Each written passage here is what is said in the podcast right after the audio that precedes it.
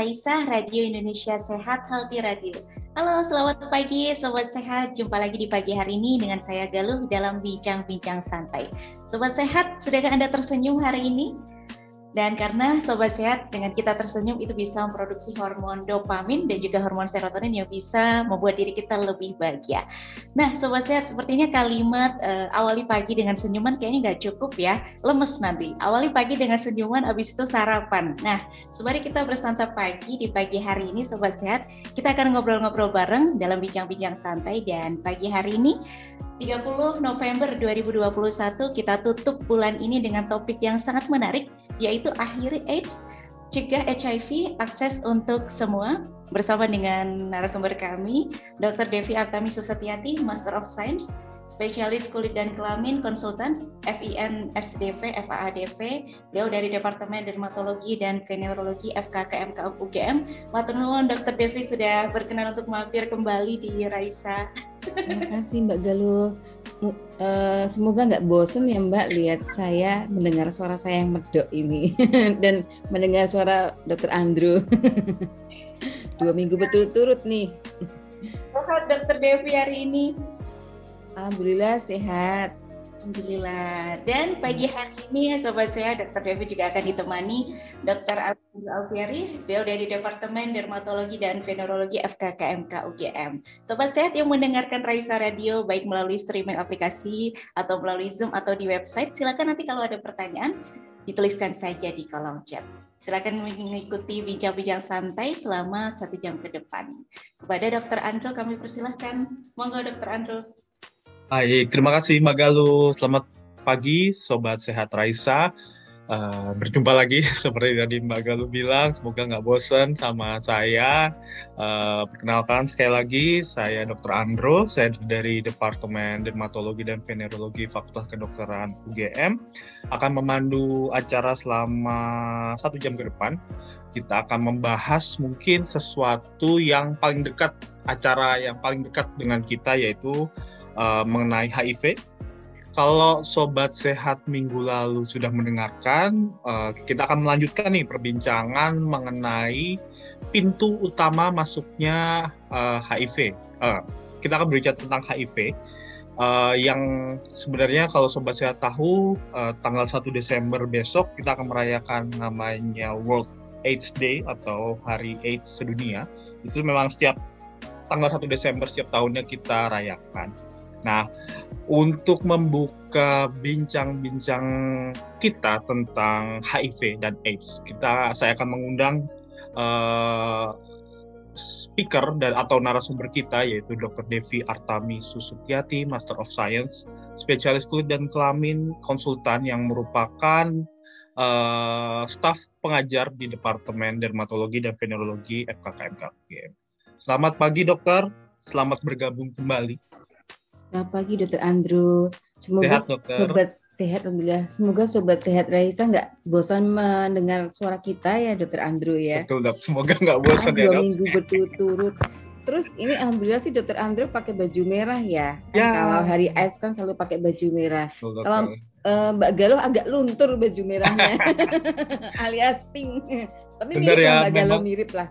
Memang ya dok, kalau untuk hari AIDS sedunia itu memang dilambangkan dengan pita merah ya dok. Iya, ya, semua merah. yang berbau merah ya dok ya. Iya, makanya kan uh, saya pilih juga ini. Uh, ini kalau sobat sehat yang tidak bisa melihat hanya mendengar, jadi saya memilih jilbab warna merah, bajunya juga merah, tapi nggak kelihatan dia dari kamera. Dalemannya juga merah kok. Bukan rahasia. Masih pagi dokter, jangan oh, masih pagi ya. Justru biar semangat ya Mbak Galuh ya. ya kan dari dua minggu yang lalu pagi-pagi udah udah yang asik-asik nih. biar melek. Oke dokter.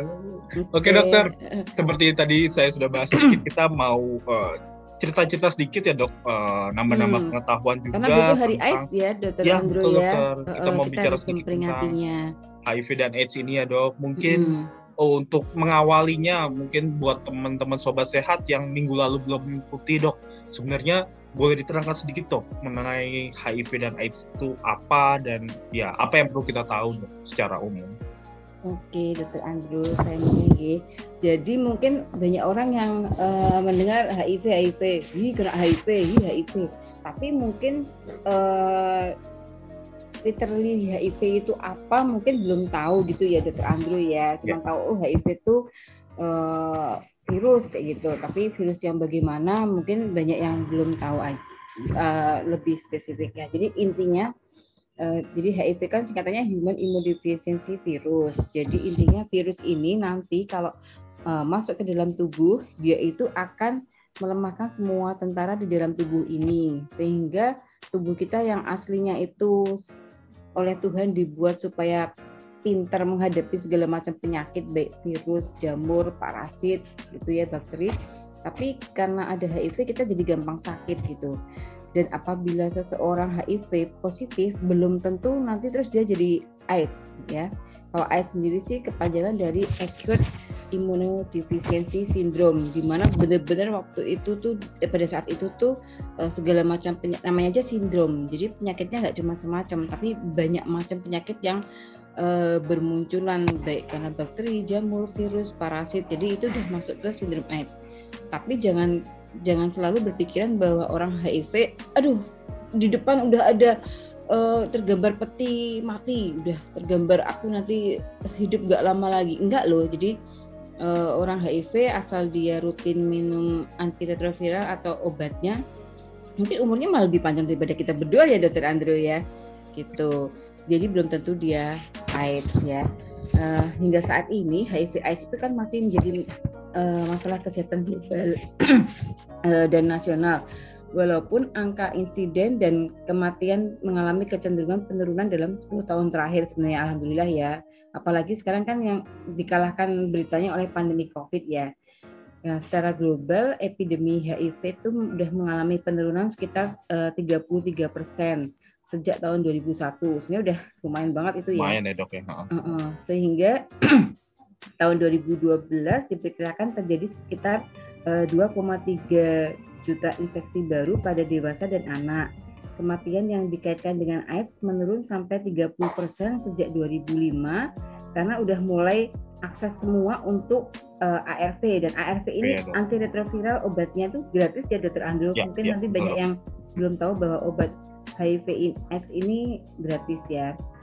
Terus uh, termasuk kematian karena mungkin dia ada infeksi oportunistik ada TBC-nya juga alhamdulillah menurun sampai 30% sejak tahun 2004. Kematian terkait AIDS menurun dari puncaknya tahun 2004 dengan 1,7 juta kematian terkait AIDS. Jadi maksudnya yang sudah masuk ke AIDS per tahun menjadi eh, 2016 itu kematian per tahunnya karena AIDS-nya related AIDS itu 770 ribu. Nah, jadi udah udah sangat menurun sebenarnya ya. Ya, jadi pada dasarnya memang menurun ya dok. Cuman ya, memang masih uh, masih masih menjadi masalah utama ya dok ya. Iya. Apalagi mungkin ini pandemi COVID dari tahun 2020 udah uh, tinggi-tingginya. Nah, mungkin orang jadi lupa ya, sama HIV ya, ah, uh, iya, ter, terselamur gitu ya. ya Apalagi ya. WHO itu kan mencapai 2030, ini sekarang 2021. 2021. Berarti okay. 9 tahun lagi. Nah, WHO tuh ngajak seluruh dunia itu 2030 tuh bebas infeksi HIV yang baru. Wow. Pengennya ya dok ya. Tapi berat banget ya kayaknya dok ya. Amin. Iya ya itu, itu 9 ya, tahun loh. 9 hmm. tahun tuh cepet tuh. Nanti tahu-tahu anaknya dokter Andrew udah punya buat 9 tahun ya. Atau buat yang baru lagi nanti. Oh. Jadi beberapa langkah tuh sudah dicapai, eh, sudah di apa ya, sudah dicanangkan sebenarnya seperti ada Dokter Andrew dengar ada triple 90 ya.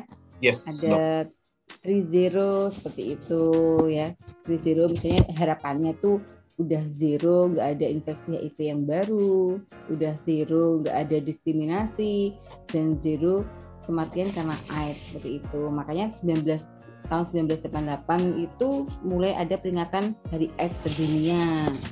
Biar besok eh, 2030 kita benar-benar bebas AIDS gitu dokter. Eh dok, ik, numpang ikan sebentar dok. takut lupa dok. Ikan apa oh. nih dok? Nah ikan ini dok, kan kita mengadakan ini lomba TikTok. Nah, oh, Mbak Galuh boleh iya. lo ikut tuh Mbak Galuh. lomba TikTok sama lomba elektronik poster. Lumayan hadiahnya Mbak Galo, bisa buat beli baju baru, kan tahun baru baju baru, pacar baru. Oke. Nah, ini lombanya nanti temanya itu tadi uh, apa namanya akhir AIDS ya kayak gitu. Jadi temanya tema AIDS jadi akhir AIDS juga AIDS akses untuk semua. Terserah tiktoknya atau posternya mau gambar pintu ditutup atau gimana. Jadi oh, pintu dibuka balik ya mau akses untuk semua ya jadi temanya tema-tema itu, dokter. Mungkin okay. nanti uh, ditunggu hmm. aja para pendengar Raisa, sobat sehat Raisa. Nanti uh, kalau posternya mungkin bisa diupdate nanti oh, di iya, benar. halaman uh, Instagramnya DVUGM ya dok. Uh -uh. Nanti mungkin akan di-share di sana at DVUGM. Nanti kalau nah, mau dong. tahu, uh, follow dong, boleh di follow. Nanti kalau mau tahu update tentang kegiatan ini nanti kita pasti akan share. Iya dok. Okay, dok. Jadi biar biar uh, terupdate apa lombanya ya dok ya? Iya betul. Uh, lumayan Makasih, loh. dokter informasinya. Iya ada hadiahnya ya dok 3 ya? juta total. Oke okay, saya juga mau kok. Boleh. Ya dokter kembali lagi dok. Tadi kan memang uh, si HIV ini memang udah jadi masalah uh, dunia. Ya sebenarnya pandemi loh dok termasuk hmm. pandemi juga kan sebenarnya nggak ya, cuma covid juga loh cuma sekarang kalah ya sama covid ya ya WHO punya hmm. regulasi di Indonesia juga hmm. punya regulasi mungkin sobat-sobat sehat juga tahu kalau di puskesmas sekarang ibu-ibu hamil uh, bisa diperiksa HIV-nya gratis ya dok bisa periksa yeah, HIV hmm. periksa sifilis dan periksa hepatitis B itu juga B. gratis kalau mau di puskesmas jadi memang uh, Indonesia juga sangat berupaya untuk mendukung penurunan angka HIV ini mendukung WHO untuk memerangi HIV ini ya dok ya? Iya setuju dokter. Uh, okay. Kemudian dok sebenarnya uh, bagaimana sih dok partisipasi kita dok dalam melakukan atau melaksanakan tema Hari AIDS se Indonesia ini? Mungkin dengan partisipasinya dengan men, ya, apa namanya uh, belajar banyak ya dok tentang apa sih itu HIV sehingga nantinya yeah. juga bisa menurunkan kan nggak harus dokter yang berpartisipasi ya, di sini ya. Nggak harus betul, mengobati ya. Termasuk nah kita harus tahu cara penularannya dokter ya, dok. Apa tuh nah, dok? Gimana sih dok cara penularan HIV hmm, itu dok? Karena kalau kita tidak tahu cara penularannya, otomatis kita nggak bisa membantu si WHO 2030 bebas infeksi HIV yang baru, ya, ya yang dok, baru loh. Hmm. Oke, nah misalnya Gimana, dok, dok? kan masih simpang siur kan penularannya lewat apa aja. Malah kadang takut ah aku sebelahnya itu nanti duduk nempel ya. ini jabat tangan nanti ketularan kayak gitu. Enggak ya enggak kan enggak semudah itu ya. Jadi e, memang HIV ini ada di cairan tubuh jadi ada di darah ada di cairan semen laki-laki e, di cairan vagina perempuan gitu ya. Di ASI juga ada uh, dan cairan anis ya. Jadi penularan utamanya sih penularan utamanya memang lewat seksual yang tanpa pelindung, tanpa kondom, tanpa pelindung buka kondom gitu ya. Terus uh, hubungan seksual yang berganti-ganti pasangan seksual ya swinger kayak mau trisam kayak foursome kayak aduh pagi-pagi udah bahas itu dokter. Maaf ya Mbak Galuh oke. Terus pemakaian obat-obatan terlarang. Nah, hubungannya apa? Sebenarnya kalau obat-obatan terlarang itu misalnya kita uh, sabu-sabu kayak apa kayak itu nggak ada hubungan langsung sebenarnya tapi banyak juga dari pasien-pasien kami ketika dia tidak sadar itu terus dia uh, melakukan hubungan seksual bebas, melakukan free sex. Makanya hindari itu ya. Jadi kayak kalau minggu lalu kita udah ada take home message-nya ABCD ya Dokter Andro. Hmm, betul untuk uh, ya untuk, untuk pencegahannya dok. Ya, uh, pencegahannya ya. A itu abstinensi alias puasa kalau belum punya pasangan seksual. B itu be faithful kalau udah punya pasangan seksual ya setia satu itu aja. Kalau jangan sampai bosan tinggal dibulak balik caranya aja ya dokter. Terus kalau nggak bisa A dan B ya C kondom dan D hindari uh, drug. Terus penularan berikutnya dokter penularan berikutnya bisa tidak lewat hubungan seksual sih dok, tapi lewat uh, apa virus HIV yang ada di dalam darah. Jadi misalnya transfusi darah, transfusi darah kan otomatis masuk ke uh, apa pasien yang lain yang HIV-nya yang tidak HIV kan.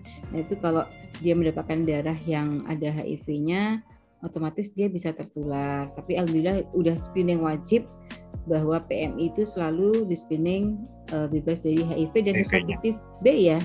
B, hepatitis B. B dan C. B dan ya. C. Nah, nah, terus tapi jangan khawatir sebenarnya kecelakaan kerja misalnya nih kayak kita dokter, uh, residen, perawat itu kita nggak sengaja kecubles jarumnya pasien HIV itu cuma 0,23 persen sebenarnya gitu. Hmm. Jadi nggak mesti kalau saya kecubles, saya juga sih dulu waktu residen itu sudah keringat dingin, aduh, udah panas dingin rasanya ya kecubles gitu pas darahnya masuk gitu. Oke, itu itu hanya 0,23 persen.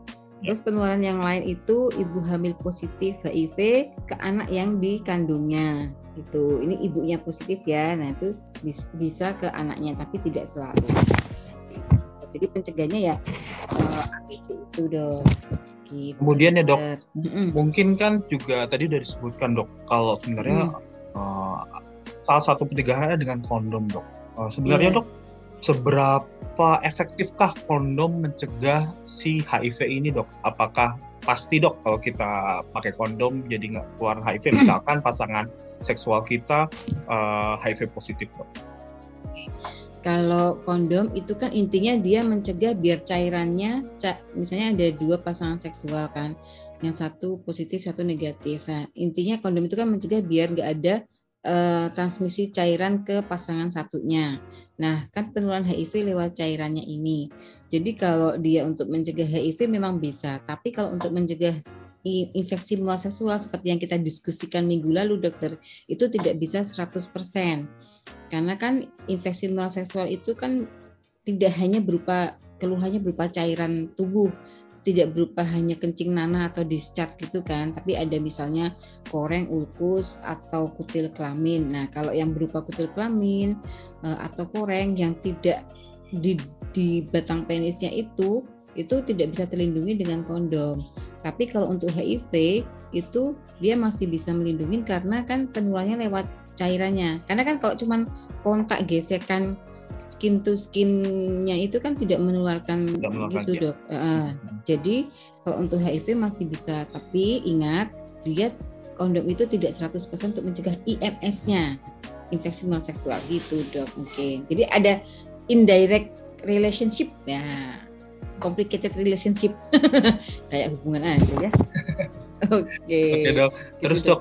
nah hmm. misalkan nih siapa aja sih dok yang sebenarnya harus screening HIV dok? Misalkan uh, uh, maksudnya uh, kapan sih kita harus wah uh, saya uh, habis gini nih saya harus cek nih HIV-nya. Terus kapan aja sih dok kita harus cek uh, HIV-nya? Apakah misalkan kita habis melakukan kontak yang beresiko terus uh, kita apa namanya kita periksa habis itu negatif pasti negatif atau gimana dok kita uh, yakinnya bahwa kita benar-benar aman dok? Oke, nah betul tadi Dokter Andrew bilang tadi, jadi kalau kita merasa kita habis melakukan uh, apa hubungan seksual yang berisiko, mungkin kita lebih spesifik aja ya dok, hubungan seksual hmm. yang berisiko tuh gimana nanti? Ah, ah, Jangan-jangan uh, nanti 69 sama istri atau suami sendiri dikiranya beresiko, beresiko ya, juga ya. Boleh dok, tolong dijelaskan dokter yang beresiko itu seperti apa sih dok? Jadi beresiko itu uh, misalnya nih uh, seseorang mempunyai pasangan dalam tiga bulan itu dia mempunyai pasangan itu lebih dari satu kayak gitu ya. Terus dia berganti-ganti pasangan, gitu ya berganti-ganti pasangan.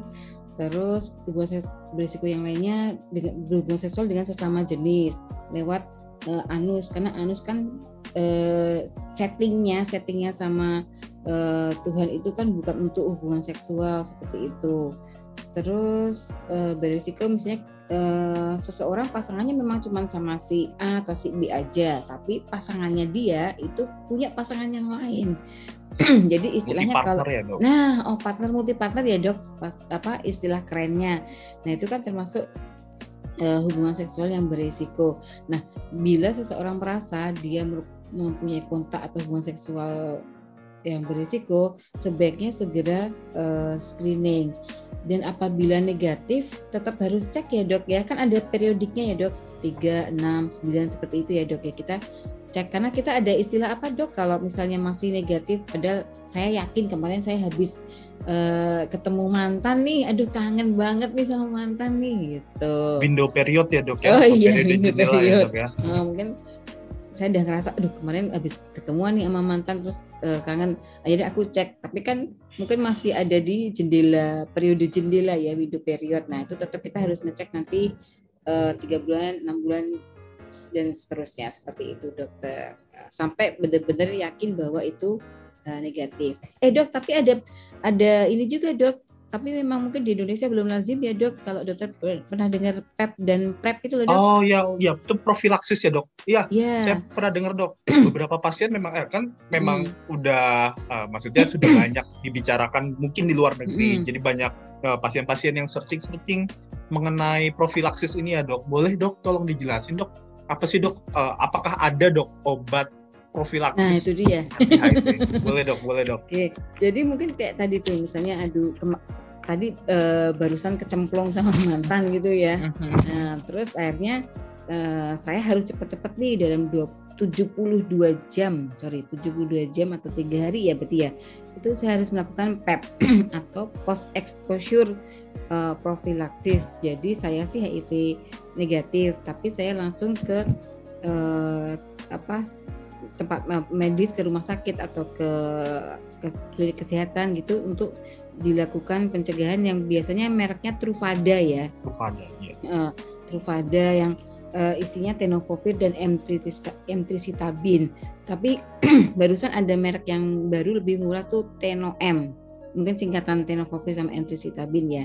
Itu yang PEP ya dok. Atau PEP itu bisa untuk kita nih dokter nih habis gak sengaja kesuntik ini ya kan uh, kena darahnya pasien. Nah, kita langsung cepat-cepat dalam 72 jam kita harus melakukan post exposure profilaksis.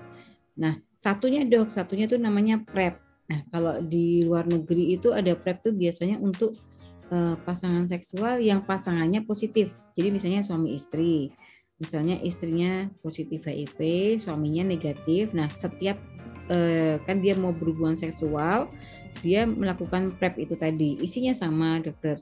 Uh, Truvada tadi, mereknya Truvada, isinya tenofovir dan uh, emtricitabin. Nah, masalahnya dokter di Indonesia belum legalitasnya tuh masih dipertanyakan dokter karena dokter tahu sendiri ya kalau di Indonesia itu kan masih banyak obat yang dijual bebas sebebas antibiotik aja beberapa apotek masih ada yang agak nakal kan demi mengejar omset ya.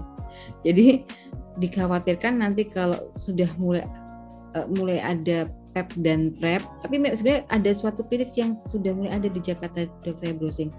Tapi kalau belum belum semua ready ya, karena dikatakan kalau ini ada nanti jadi disalahgunakan uh, oleh gen gen Z gen milenial itu untuk free sex ya enggak. Jadi mentang-mentang udah ada pencegahan terus uh, apa namanya yaudah aku pakai ini aja ya biar santuy ini hubungan seksualnya gitu tapi kalau waktu kita velo di Sydney di sana udah rutin ya dok ya? Rutin, rutin dok. Hmm. Tapi ya jadi masalah juga. kalau di sana ini ya dok malah ya karena prepnya udah bagus, uh, eh, HIV-nya turun, tapi angka IMS-nya malah tinggi ya dok ya? Tinggi, iya. Nah, itu Jadi yang malah, agak aneh ya? malah aneh ya dok. Karena prepnya kan nggak mencegah IMS dok. Iya betul. Jadi ya mau uh, eh, HIV yang enggak, tapi kalau kena sifilis ya sebenarnya sama aja ya dok. Ya? Sama ya? aja ya dok, nggak enak juga ya dok. Iya. bener bener bener dokter. Iya dok. Justru banget ya dok. Uh, buat sobat hmm. sehat yang oh, dokter, pengen kurang satu lagi dok untuk ya, yang uh, kalau misalnya nih, tapi ini sekarang jarang banget mau mm-hmm. sharing spet injeksi. Oh, iya, Mungkin iya. keadaan Terus darurat dok. Mm-hmm. Keadaan darurat harus nyuntikin suatu obat, spet injeksinya uh, cuma ada beberapa. Nah itu bisa pasien dikasih prep kan dok? Iya betul. Bisa mm, aja dok. Biar ya. nggak ya. tertular HIV AIDS. Okay. ya. Baik dokter, terima kasih dok. Uh, buat sobat sehat yang punya punya pertanyaan, pengen lebih tahu yang lebih dalam mengenai HIV dan AIDS, boleh banget buat uh, tulis masih pagi pertanyaannya ya? di komen. Masih ya, pagi bisa dalam masih ya. Pagi bisa lebih dalam. Karena kalau udah siang capek. boleh uh, tulis di kolom komentar. Uh, kita nanti akan dibantu oleh Dokter Devi untuk menjelaskan dan menambah pengetahuan dari sobat sehat. Uh, kemudian dok, um, nah kalau mungkin mau bahas satu mitos dulu deh dok. Sebenarnya kan mitos-mitos uh. HIV itu banyak dok. Saya mau bahas satu mitos dulu dok sebelum kita break dok. Uh, bisa nggak dok HIV itu ditularin lewat ciuman, berpelukan atau tidur bareng dok? Oke, jadi memang tadi saya menjelaskan bahwa virus itu ada di cairan tubuh si pasien ya. Jadi sebenarnya di saliva juga ada cairan tubuhnya seperti itu ya. Di ASI juga ada. Nah, cuman kan yang namanya menjadikan seseorang menjadi positif HIV itu ada istilahnya viral load gitu dok. Ya gitu.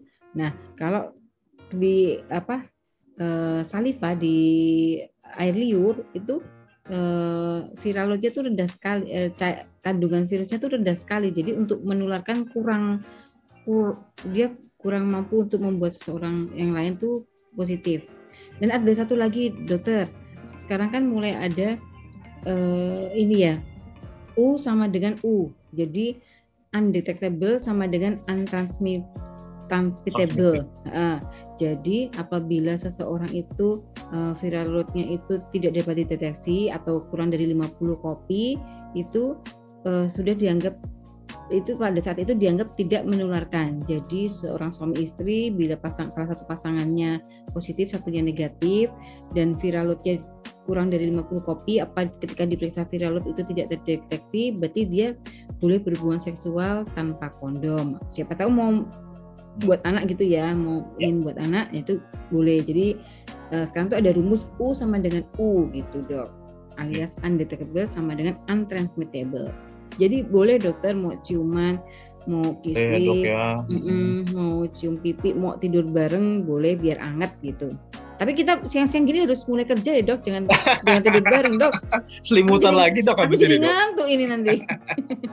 Berarti intinya ciuman nggak apa-apa ya dok, cium iya, uh, to mouth nggak apa-apa, cium pipi nggak apa-apa, apalagi hmm. kening itu nggak masalah, mau hmm. pelukan, skin to skin contact itu nggak akan menularkan HIV ya dok. Uh, sebenarnya cepat banget ya dok. Uh, apa waktu berlalu cepat sekali kalau kita bahas ini dok karena memang menarik dan banyak banget yang perlu kita ketahui ya dok. Bener, Mungkin bener, kita ngelanjutin tentang mitos-mitos sedikit dok. Tadi kita siap, udah siap. ngomongin tindakan-tindakan yang di kamar tidur dok, ciuman. Aduh, iya iya iya. Aduh Pak, bikin aku tambah melek Pak. Sekarang Bagal kita sampai nggak bisa nahan ketawa. Kalau itu kan uh, malam pagi dok. Tidur. Kita udah bangun, berarti kan kita keluar kamar. Di keluar kamar, ya. berarti kita ke tempat makan dok. Kalau Oke, misalkan, belum makan ya aku. Iya, iya, iya, iya. Kalau HIV dok, itu bisa nggak sih dok uh, apa ditularin lewat sharing alat makan atau kalau di kamar mandi misalkan pakai handuk bareng atau tadi tempat tidur sekarang kamar mandi iya dok iya oh, dokter Andrew nih Iya, iya, iya, iya. Uh, uh, bisa nggak sih dok ditularin lewat alat uh, alat mandi yang bareng, sikat gigi misalkan kalau nggak sengaja pakai yang lain atau ya alat makan gitu bisa nggak sih dok kalau HIV ditularin lewat itu? Ini sharing alat makan nih romantis atau ngirit nih? ngirit dok Oh, ngirit ya kirain romantis. Oke, okay. jadi eh, tadi kan lewat air ludah ya saliva itu eh, viral loadnya rendah. Nah kalau sikat gigi sepanjang si seseorang yang positif HIV-nya itu tidak sedang bermasalah dengan gusinya, jadi tidak mengeluarkan darah itu nggak masalah kita sharing sikat gigi karena kan kadang kalau misalnya seseorang lagi sariawan atau lagi gusnya bermasalah kan ketika gosok gigi ada keluar darahnya kan dokter ya nah kalau itu itu ada kemungkinan untuk tertular gitu tapi kalau misalnya hanya salivanya aja atau uh, maaf bahasanya saliva hanya uh, air ludahnya aja itu tidak apa-apa dokter. Jadi kita mau gantian sikat gigi, gantian apalagi handuk ya. Kalau handuk ya, mah nggak apa-apa ya. ya hmm. Ini ngirit banget nih handuknya satu buat barengan. tempat uh, kamarnya satu, uh, kamar oh, gitu ya. satu, piringnya satu. Piringnya satu, sendoknya satu. Romantis ya, rokok mangan gratis.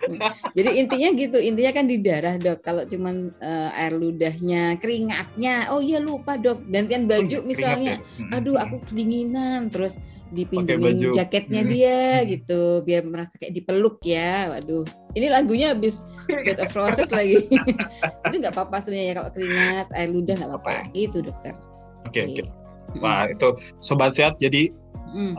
Jadi kalau misalkan udah punya udah tahu nih temennya uh, dia HIV positif, jangan takut deket-deket sama dia. Mau mau sentuhan, misalkan emang uh, ketemu terus uh, cipika-cipiki atau nggak sengaja pakai uh, sendoknya, sendoknya dia habis makan hmm. itu nggak usah takut karena memang itu tidak akan menularkan uh, dari HIV tersebut. Lagian juga kalau misalkan kita tetap berkawan atau berteman dengan teman-teman yang emang kita tahu dia HIV positif ya, kita akan menurunkan stigma dari orang tersebut. Stigma dari orang HIV-nya juga menurun, otomatis kualitas hidupnya dia akan jadi lebih baik ya dok ya. Ini kan termasuk ininya, termasuk tema apa tahun ini akses -hmm. untuk semua tuh termasuk akses. Jadi untuk menghilangkan stigma. Gara-gara ada stigma kan jadinya aksesnya tidak tidak apa ya rata ya dok. Jadi, tidak rata betul dok. Yang saya dok maaf ini kisah nyata benar ya. Jadi uh, ada pasien HIV gitu, terus datang ke saya katanya uh, kan dia sebenarnya awalnya perawatan di tempat X, tapi setelah si tempat X itu tahu bahwa dia HIV, dia nggak boleh pilih di situ. Padahal kan sebenarnya kalau chemical peeling kan nggak ngeluarin darah ya, sebenarnya nggak masalah kan. Nah, terus akhirnya dia ke tempat saya, ya monggo piling aja nggak masalah gitu. Jadi berarti ternyata ya dok, ternyata emang stigma ini masih ada gitu loh. Kan piling itu kan cuma bersihin muka gini, terus kita nggak nyentuh, apalagi kena darahnya kan enggak, piling nggak berdarah. Nah ternyata masih ada dokter. Ini gini kisah nyata nih dan ini baru-baru aja gitu. Itu. Jadi uh, si dokter itu takut untuk mempiling masnya ini karena setelah masnya tuh maksudnya jujur maksudnya mau jujur uh, dokter saya uh, eh, HIV positif. Ma bagus sih harusnya kita appreciate ya. ya Dia mau oh. jujur kan harusnya kita appreciate tapi justru malah dibilang apa ya alasannya waktu itu ya alasannya obatnya nggak ada pak apa alatnya nggak ada pokoknya hmm. gimana caranya biar dia nggak jadi di situ masnya ini jadi ngerasa kan ngerasa kayaknya ini kayak sengaja deh nah terus kayaknya dia pindah ke saya dia cerita ke saya gitu gitu untuk dokter untuk hmm. orang uh, Oda ya dok mungkin orang dengan hmm. HIV AIDS untuk yeah. come, come out dia ngomong kalau dia HIV positif tuh sebenarnya berat banget ya dok buat dia berat banget makanya sampai dia bisa tuh. ya sampai dia bisa ngomong hmm. gitu kan berarti kita harus menghargai sekali apalagi hmm. yang dikasih tahu adalah tenaga kesehatan ya dok hmm. dia tenaga maksudnya kesehatan. baik kan maksudnya biasa baik. dokternya hmm. tuh betul, prepare betul. yourself ketika menangani dia tapi ternyata prepare-nya malah menolak. Ya, menolak dengan halus bisa. Waktu itu diomongin pokoknya setiap mau tindakan dibilangin uh, apa alatnya belum siap atau apa. Pokoknya intinya harus dia pindah ke saya seperti itu. Ini kisah nyata ini. Berarti stigma itu bukan hanya di orang awam tapi memang yeah. tenaga iya, kesehatan masih bisa ya, ya dok? Masih bener, stigma bener. ya dok ya? Nah, jadi dia menolak untuk menolak apa ke di klinik kecantikan tersebut. Dokter, kemudian dok, dok. Hmm. misalkan, nah, tadi mungkin sudah dibahas sedikit dok, boleh dijelasin lebih lanjut dok. Bila ada seseorang nih baru nerima hmm. HIV, ternyata hasilnya HIV-nya positif dok, yeah. sebenarnya uh, pasti akan mati dengan cepat nggak sih dok? Asarannya dok? Hmm, enggak, ini dia. Ketika kita memberitahukan seseorang bahwa seseorang itu HIV positif kan memang harus uh, ada step-stepnya ya dok jadi pasiennya harus siap secara psikologis, kita harus benar-benar uh, mendampingi gitu karena pasti dia ada denialnya seperti itu kan. Nah, kita harus memperkuat uh, psikisnya dia gitu supaya dia tidak menganggap bahwa kalau aku positif berarti aduh tahun depan dua tahun lagi aku udah mati kayak gitu padahal kan belum tentu tetap kematian itu di tangan Tuhan ya kan nah terus yang berikutnya yang harus dilakukan adalah uh, ajak dia untuk uh, mungkin kita kenalkan dia sama teman-teman LSM ya kan? Pendamping ya dok ya, ya. Uh, teman pendamping. Karena biasanya kalau mereka merasa ada komunitasnya tuh jadi lebih kuat oh ternyata banyak ya teman-temanku. Mereka baik-baik. Dan mereka tuh keluarganya erat banget ya dokter ya? Teman-teman kita dok. di LSM tuh keluarganya keluarganya erat banget gitu. Terus kita motivasi dia untuk ARV gitu. Karena sejak tahun berapa ya dokter Andrew ingat ya kalau dulu memang ARV itu untuk yang kurang dari 350 ya kan dok? CD4-nya ya dok ya betul. Uh, uh, sorry uh, CD4 sorry. Nanti kalau ada yang belum paham maksudnya apa. CD4 kurang dari 350 tapi sejak tahun maaf dok saya lupa dok boleh dibantu tahun 2000 sebentar waktu saya di Bangkok itu belum 2000, jadi kayaknya 2016 atau 2017 oh, ya, saya, saya ke Bangkok 2015 2015 itu Indonesia masih kurang dari 350 waktu itu. Mm -hmm. Berarti kalau nggak salah 2016 atau 2017 baru Indonesia yang all. Jadi berapapun CD4-nya langsung ARV. Tapi jadi kalau, kalau dulu hmm. kan harus kurang dari 350. Jadi kalau positif langsung kita motivasi dia untuk ARV dokter. Gitu. Uh, Mungkin Itu nyambung kan? ini ya dok. Tadi kan dokter bilang kalau emang pas kita mau ngasih tahu uh, apa namanya ada mau ngasih tahu hasil uh, hasil HIV kepada seseorang, ya, mungkin juga bisa uh, bisa di ini ya dok ditawarin dok dia mau ada mungkin ada teman atau kerabat atau orang okay. kepercayaan yang mau hmm. menemani dia ya dok biar dia bisa dengerin bareng ada yang ada yang mendukung dia lah paling nggak hmm. untuk mendengarkan iya, dokter. Oke. Okay. Benar, dokter. Uh, Dokter, ini ada pertanyaan masuk dok dari uh, hmm. uh, websitenya Raisa dok. Hmm, hmm. Ini pertanyaan. Pagi dokter, saya S2. Seru sekali pembahasannya dok. dok. Ya seru uh, ada kamar, ada kamar mandi ya. Pagi-pagi ngomongin selimut ya dok, gimana dok? Jangan selimut tetangga loh ya.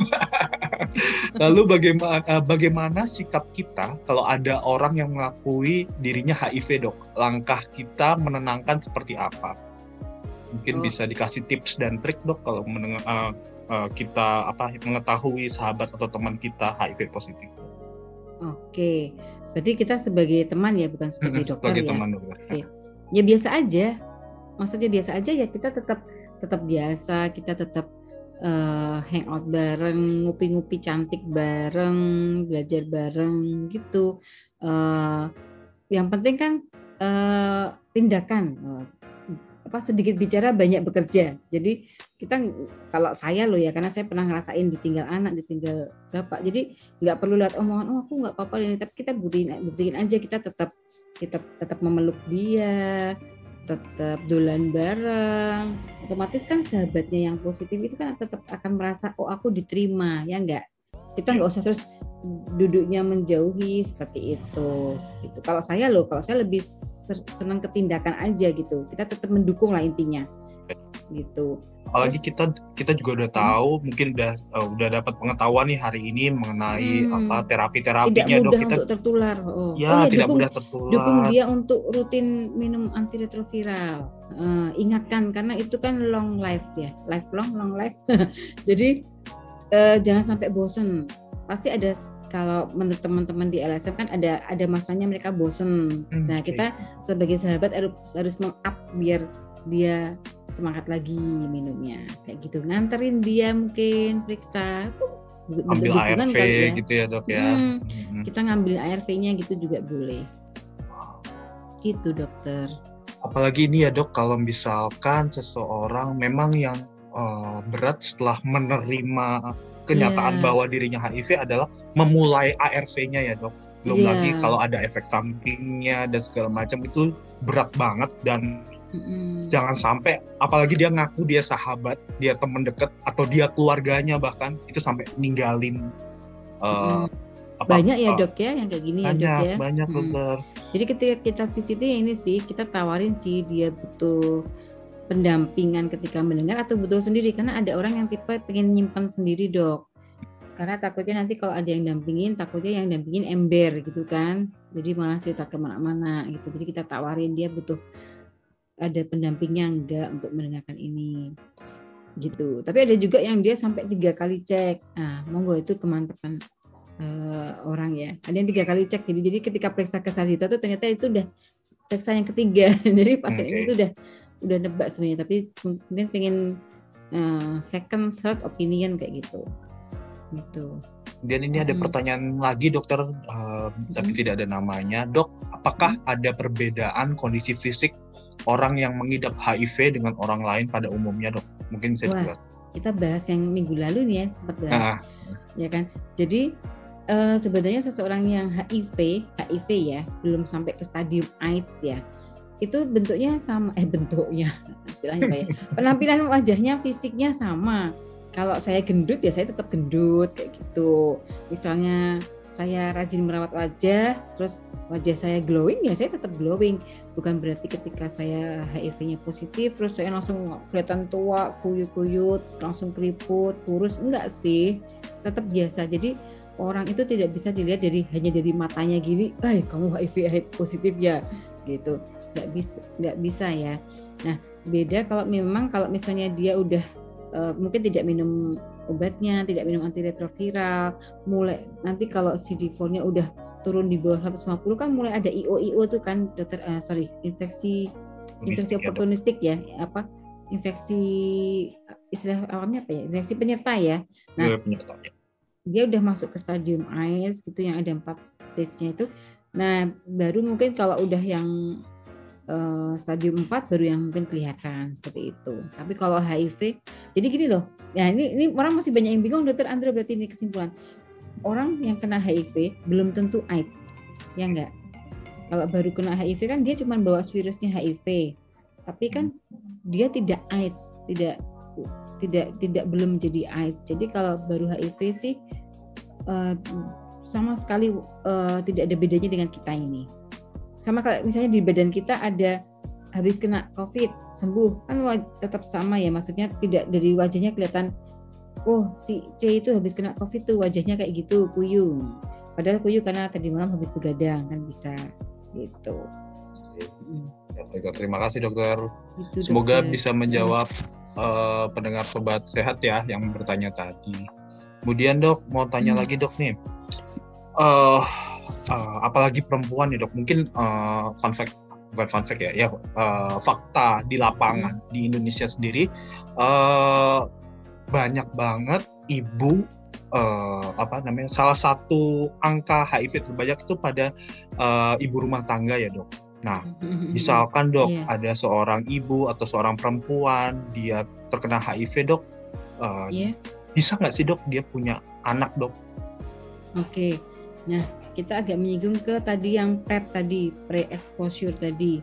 Eh, eh yang yang HIV ibunya atau ibunya suaminya? Dok. Uh, oh, suaminya terus nularin ke ibunya terus oh. dia pengen punya oh. anak lagi. Oh, bisa bisa. Asal si ibu ini dia viral loadnya udah tinggi, dia selalu pakai antiretroviral, ibu ini bisa hamil, uh, boleh. Dan belum tentu nanti anaknya juga HIV positif, belum tentu ya. Jadi perempuan HIV masih boleh uh, punya anak, tapi dengan uh, pemantauan dokter. Jadi dia harus dipantau dulu uh, viral load. Viral load itu uh, jumlah virus yang ada di dalam darah gitu. Jadi viral loadnya harus tinggi.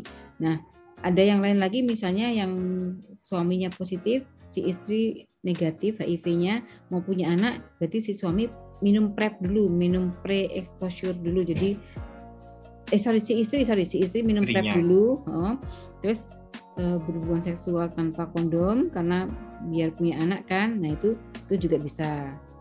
Itu. Terus nanti nanti ada lagi dok kalau udah lahir dok. Kalau udah lahir sih kan memang di ASI juga ada dok. Nah, memang kalau kebijaksanaan yang di negara-negara yang lain itu disuruhnya benar-benar kalau si ibu positif itu si bayi disuruh uh, pakai susu formula. Tapi kalau terpaksanya banget gak bisa, ya tetap ASI bisa, tapi ibunya harus antiretroviral dan anaknya juga harus selalu dipantau. Iya. Hmm. Uh, gitu. Menyinggung sedikit dok, uh, saya sebenarnya juga punya temen dok. Uh, hmm perempuan juga uh, dia apa namanya ketularan HIV-nya dari suaminya suami yeah. yang suaminya meninggal akhirnya yeah. uh, habis itu dia nikah lagi dia bilang sama pacarnya uh, dia bilang sama suaminya uh, sebelum nikah dia memang udah ngaku kalau memang dia HIV positif tapi uh, suaminya itu negatif dan tetap menerima dia akhirnya mereka menikah Yeah. Um, ya mereka program seperti yang tadi Dokter Devi bilang harus dipersiapkan sekali tentang viral load-nya, tentang penggunaan ARV-nya pada pada uh, apa ibunya. Kemudian dia ternyata uh, ketika programnya sudah baik semua, dia berhubungan, ternyata dia hamil dan sampai sekarang ternyata anaknya negatif. negatif. Ya, Cek ya alhamdulillah. Jadi jangan takut intinya ya dok ya. Oke, okay, okay, Ini kisah nyata ya dok ya. Mm-mm, betul dokter. Mm-mm, benar, hmm, benar, benar. Kemudian okay. dok, uh, oh ya tadi mungkin sudah dijelasin sedikit juga ya tentang perjalanan alamiah penyakitnya ya dok. Jadi dari pertama hmm. kalau misalkan awal-awal memang nggak ada gejala sama sekali ya dok ya. Iya, Seperti ya, orang HIV pada. ya dok. Ya kalau masih HIV, HIV ya. itu hmm. tidak ada gejala sama sekali ya dok. Ya. Mungkin yang si, maksudnya ke HIV yang itu ya dok kita agak bahas tentang CD4 itu ya dok? Oh iya ya? boleh dok, uh, dok. Uh, ya mungkin maksudnya gimana uh, gitu ya? Apa dok, sih ya? CD4? Soalnya pasti sering denger ya orang-orang ya dok. Kalau hmm. ngomongin HIV pasti ngomongin CD4 juga. Hmm. Boleh dijelaskan dokter gitu ya? Mungkin bahasa awamnya itu CD4 tuh kayak jumlah tentaranya tuh berapa sih banyaknya gitu ya. Kan harusnya kan kita kan 700 ke atas kayak gitu ya. Nah, makanya kalau misalnya CD4 ini anjlok sampai di bawah 150 itu IO-nya udah banyak banget. Ya seharusnya nggak sampai 150 sih di bawah 200 pun juga iya. Tapi yang paling banyak itu di bawah 150 itu IO-nya udah banyak banget. Nah, nanti dia mulai masuk ke uh, ada stage 1 2 3 4 AIDS itu dokter. Nah, makanya dengan minum antiretroviral itu harapannya supaya uh, CD4-nya itu nggak nggak turun gitu dokter gitu kan kadang pasien kita ada yang CD4-nya cuma 10 gitu ya dok ya ada yang satu hmm. bahkan ya dok ya? Oh iya ada yang satu. Itu pernah ya, ya dok ya? satu. nah kebayangkan coba kalau di dalam tubuh kita tentaranya cuma satu. Nah nanti penyakit apa pun masuk nggak nggak kuat untuk kebayang kita cuma punya polisi satu gitu loh. Nanti ada musuh lewat telinga musuh lewat kulit di kaki itu polisinya bingung itu ngejarnya ya enggak mana duluan ya dok ya iya mana duluan yang harus kita tangkap sama si polisi. Nah gampangannya seperti itu mungkin ya penjelasannya ya. Tapi memang CD4 ini ketika seseorang sudah uh, terinfeksi HIV, CD4 harus rutin diperiksa ya dok, minimal enam bulan yeah. sekali ya dok ya, untuk melihat uh, apakah terapi ARV-nya tadi, antiretroviralnya tadi bekerja dengan baik Efektif juga di dalam tubuh. Tidak, iya. Dan viral load ya dok, viral, load kan ya. 6 hmm. bulan, 12 bulan, nanti yang berikutnya kalau udah stabil per setahun sekali gitu ya. Hmm. Dan Karena ini, ini agak mahal soalnya, jadi nggak mungkin nggak mungkin enam bulan sekali terus. Betul, betul. Dan nah, tetap ya kalau untuk pemeriksaan CD4 tetap misalkan di Indonesia uh, di beberapa puskesmas kan juga sudah ada yang bisa memeriksa yeah. dan itu tetap cover ya dok untuk pemeriksaan ya. CD4. Uh, Mungkin okay. untuk yang viral load-nya yang terkadang memang masih harus uh, mengeluarkan uang sendiri. Ya. Uh, sekali lagi juga mengingatkan hmm. bahwa terapi ARV gratis ya dok di Indonesia hmm. ya dok baik Terus dari lini pemantauan juga gratis ya, hmm, ya tadi for seperti itu. Ya. Hmm. Lini satu obat-obat lini satu juga gratis, untuk lini dua juga gratis ya dok. Oke. Eh, dok, dok, dokter kok tiba-tiba bilang lini apa itu? Oh iya, lini? jadi oh iya. jadi ini ya dok, mungkin uh, buat teman-teman tahu aja sobat sehat tahu, jadi terapi ARV itu banyak banget Hmm, ada nah, beberapa macam paketan ya dok ya. Uh, ya dokter. Kalau dulu mungkin banyak banget, sekarang udah kayak di kayak misalnya tadi Truvada itu udah gabungan dua obat kayak gitu. Sekarang udah kombinasi ya dok, jadi biar uh, apa namanya Simple minumnya, minumnya juga lebih gampang betul. Hmm, nah jadi ada pilihan. Pertama, lini itu maksudnya pilihan pertama. Kalau pilihan pertama ternyata alergi gitu ya, misalnya nggak kuat ada seseorang yang nggak kuat evaviran kita pilihan kedua kayak gitu. Itu nggak kuat nanti pilihan ketiga. Jadi jangan khawatir. Oh ya yang dulu IG live tahun lalu tuh ada ada uh, ada pertanyaan pasien tuh dia kapok karena minum obat ini pertama terus habis itu dia kayak alergi obat berat makul populer kalau dari keterangannya kayaknya analisa saya. Terus dia kayak kapok. Nah itu makanya nasihat kita jangan kapok obat uh, antiretroviral itu masih banyak macamnya ya gitu. Jadi nanti kita bisa pilihkan obat yang lain. Baik dokter. Hmm. Dokter ini sudah jam 8.31. Uh, oh, okay, mungkin okay. bisa kita wrap up dok. Mungkin ada take home message yang bisa kita ambil untuk informasi atau pengetahuan kita pada hari ini mengenai HIV dan AIDS dokter. Oke, okay, sesuai dengan tema kita. Ini temanya tema uh, internasional loh. Temanya tuh tema sedunia cuman dinasionalkan di bahasa Indonesia kan jadi uh, HIV AIDS cegah HIV dan akses untuk semua jadi harapan di sini uh, apa jangan jauhi odanya jangan jauhi orangnya tapi jauhi penyakitnya jadi dukunglah orang-orang yang apabila di sekitar Anda ada orang dengan HIV AIDS gitu, dukung supaya dia tetap rutin berobat, tetap bersemangat seperti itu. Dan apabila kita merasa hidup kita beresiko, uh, screening aja. Gitu. Baik, terima kasih Dokter Devi mengingatkan juga lagi untuk sobat sehat bahwa besok tanggal 1 Desember hari merupakan AIDS. baju hari ya? AIDS. Ya, ayo merahkan Indonesia. Iya, Ke mana pun pakai baju merah aja. Kita Terus tunggu uh, tunggu flyer kita dokter. Ya, tunggu, tetap follow IG @dvugm buat tahu informasi bener. mengenai Hadiah acara dari satu juta loh acara dari uh, Departemen Dermatologi dan Venerologi di, uh, dengan Perdoski. Nanti kita uh, ada acara. Ya. Nanti kalau hmm, kalau mau uh, tahu kegiatannya, nanti cek di Instagram kami di @dvugm. Baik, Dokter Devi, terima kasih sekali dokter atas waktu, pengetahuan, dan informasi yang kita dapatkan hari ini. Sangat bermanfaat. Semoga juga buat uh, Sobat Sehat Raisa uh, bisa menambah pengetahuan tentang HIV dan AIDS dan kita bisa bantu Indonesia dan dunia juga untuk menurunkan angka dari HIV. Terima kasih dokter sekali lagi. Terima kasih dokter Andrew, Mbak Galuh. Kami kembalikan ke Mbak Galuh. Baik, terima kasih banyak Dokter Devi dan juga Dokter Andro atas ilmunya hari ini luar biasa sekali atas sharing-sharingnya juga kita jadi semakin tahu ya Sobat Sehat bagaimana kasus-kasus HIV di luar sana. Nah, karena besok seperti yang tadi Dokter Dewi dan juga Dokter Andro bilang sampaikan bahwa besok adalah hari AIDS sedunia. Nah hari ini kita sudah memaknai bersama nih, kita sudah mengantongi informasi-informasinya untuk kita manifestasikan, untuk kita terapkan di hari AIDS sedunia besok. Kita jadi semakin tahu lagi, tambah ilmu lagi. Terima kasih banyak Sobat Sehat atas uh, kebersamaan Anda hari ini. Saya selalu Dokter Andro dan juga Dokter Devi. Selamat beraktivitas kembali. Ya, Semoga ya. Saya lagi lain kesempatan dan sobat sehat untuk anda uh, yang belum sempat mendengarkan bincang-bincang santai hari ini bisa anda dengarkan kembali di podcastnya Raisa Radio di Spotify. Terima kasih banyak. Saya Galuh mohon pamit undur diri. Jumpa lagi di bincang-bincang santai selanjutnya tetap di Raisa Radio Indonesia Sehat.